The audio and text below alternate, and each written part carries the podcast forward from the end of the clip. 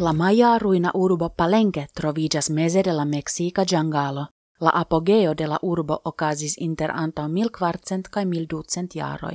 Ĝi estas monda heredaĵo de UNESCO ekde 1987. En grava konstruaĵo estis kaŝita speciala trovaĵo. La templo de la surskriboj en Palenque estis pentrita helruĝa kiel la aliaj konstruaĵoj. Ĝi estis starigita kiel tombo por la reĝo Pakal la Granda.